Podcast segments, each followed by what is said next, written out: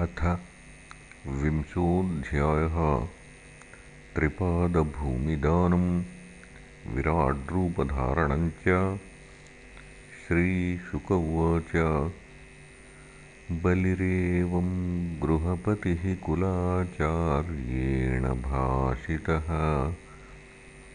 तूष्णीं भूत्वा क्षणं राजन्नुवाचावहितो गुरुम्। बलिर्वाच सत्यं भगवता प्रोक्तं धर्मोऽयं गृहमेधिनाम्। अर्थं कामं यशोवृत्तिं यो न बाधेत कर्हिचितु चाहं वित्तलोभेन प्रत्याचक्षे कथं द्विजम्। प्रतिश्रुत्य ददामीति प्राह्लादिः पितवो यथा। न ह्यसत्यात्परो धर्म इति होवाच भूरियम्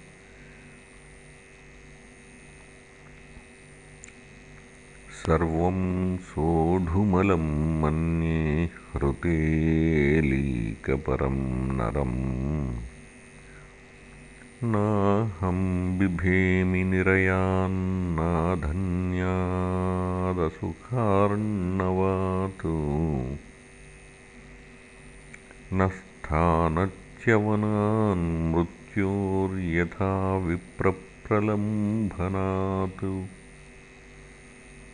यद्यथास्यति लोकेऽस्मिन् सम्परेतं धरादिकम् तस्य त्यागे निमित्तं किं विप्रस्तुष्येन्न तेन चेत्?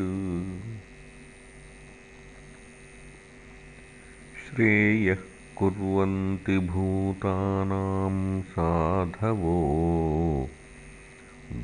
त्यजासुभिः दध्यं शिबिप्रभृतयः को विकल्पो धरादिषु यैरियं बुभुजे ब्रह्मन् दैत्येन्द्रैरनिवर्तिभिः तेषां कालोऽग्रसील्लोकान्नयशोऽधिगतं भुवि। सुलभायुधिविप्रर्षेह्यनिवृत्तास्तनुत्यजः। न तथा तीर्थ आयाते श्रद्धया। ये धनत्यजः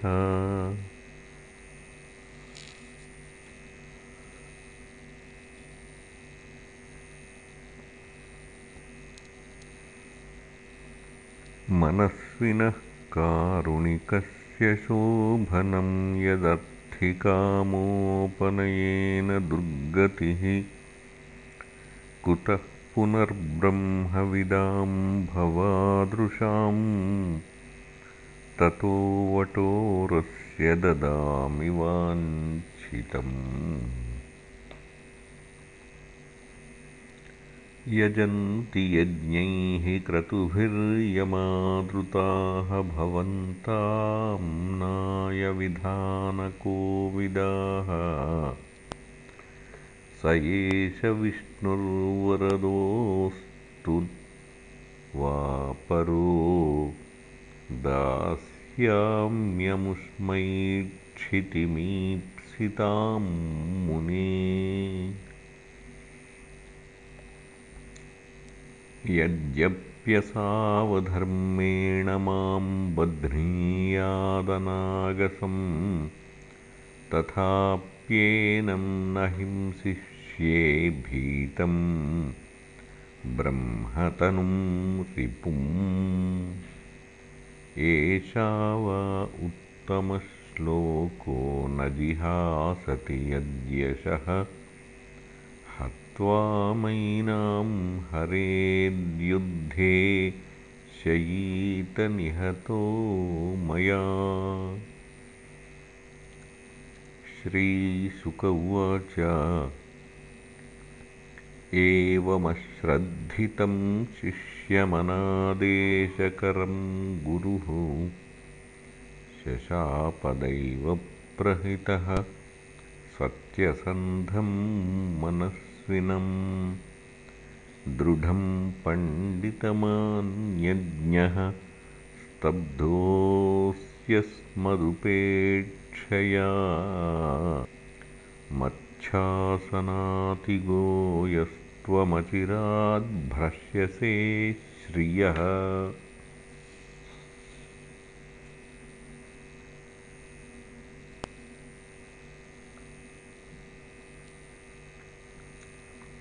एवं शब्दः स्वगुरुणा सत्यान्नचलितो महान्।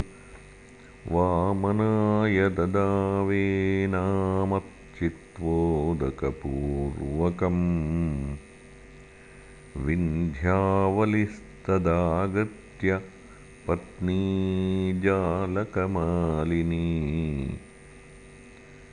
आनिन्ये कलशं हैममवनेजन्यपां भृतम्।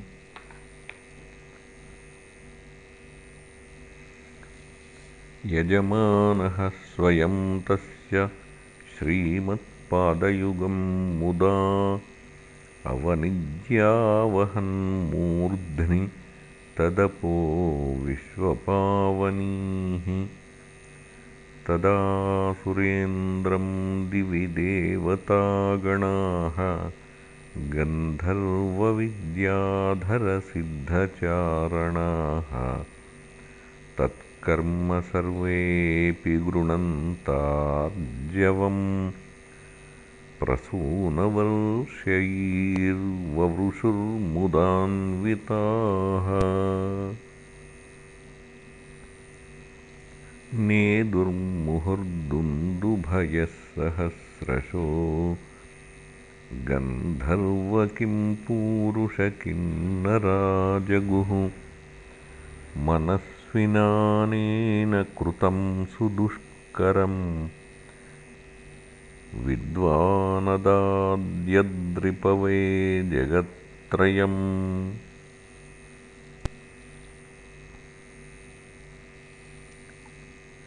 तद्वामनं रूपमवर्धताद्भुतं हरेरनन्तस्य गुणत्रयात्मकम् भूः खं दिशो द्यौविवराः पयोधयः तिर्यं नृदेवाऋषयो यदा सता काये बलिस्तस्य महाविभूतेः सहत्विगाचार्यसदस्य एतत्। ददर्शविश्वं त्रिगुणं गुणात्मके।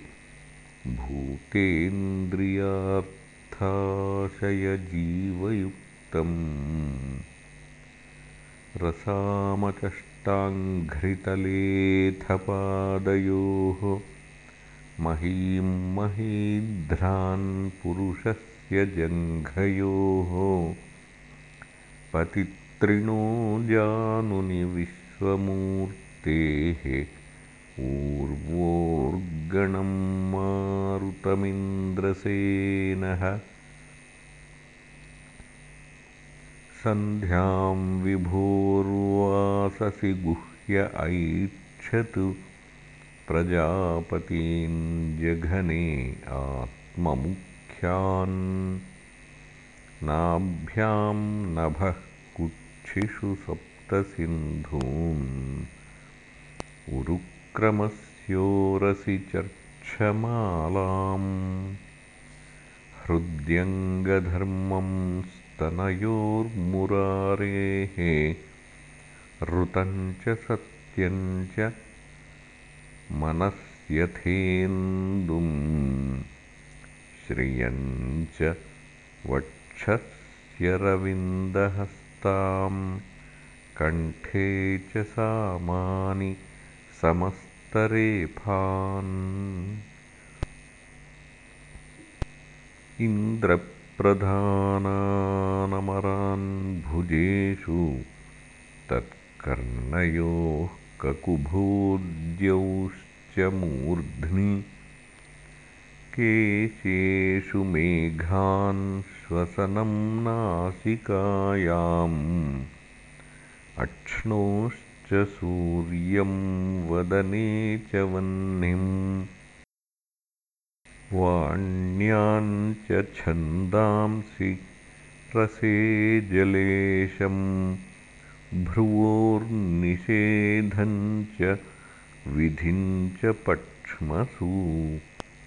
अहश्च रात्रिञ्च परस्य पुंसो मन्युं ललाटे धर एव लोभम्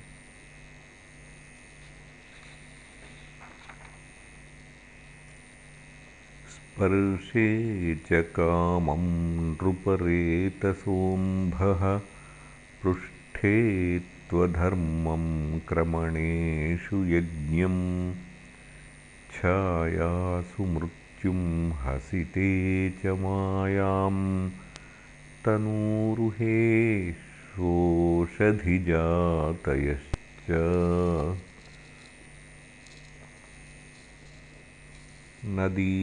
नदीश्च नाडीषु शिलानखेषु बुद्धावजं देवगणान् ऋषींश्च प्राणेषु गात्रे स्थिरजङ्गमानि सर्वाणि भूतानि ददर्शवीरः सर्वात्मनीदं भुवनं निरीक्ष्य सर्वे सुराः कश्मलमापुरङ्ग सुदर्शनं चक्रमसः ह्यतेजोधनुश्च शार्ङ्गम् स्तनयित्नुघोषम्। पर्जन्यघोषो जलजः पाञ्चजन्यः कौमोदकी विष्णुगदातरस्विनी। विद्याधरोऽसि शतचन्द्रयुक् तूणोत्तमावक्षयसायकौ च सुनन्दमुख्या उपतस्थुरीशं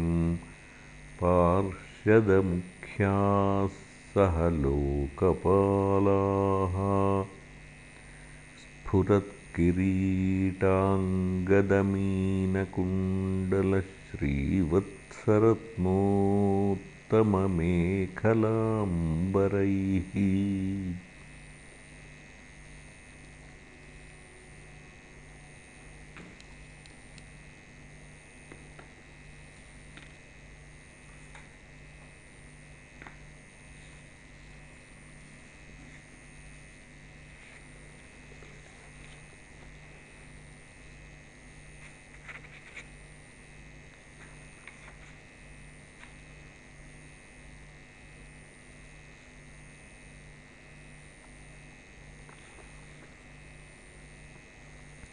मधुव्रतस्रग्वनमालयावृतो रराजराजन् भगवानुरुक्रमः क्षितिं पदैकेन बलेर्विचक्रमे नभःशरीरेण दिशश्च बाहुभिः पदं द्वितीयं क्रमतस्त्रिविष्टपम् न वै तृतीयाय तदीयमण्वपि उरुक्रमस्याङ्घ्रिरुपर्युपर्यथो महर्जनाभ्यां तपसः परं गतः इति श्रीमद्भागवते महापुराणे पारमहंस्यां संहितायाम् अष्टमस्कन्धे विंशोऽध्यायः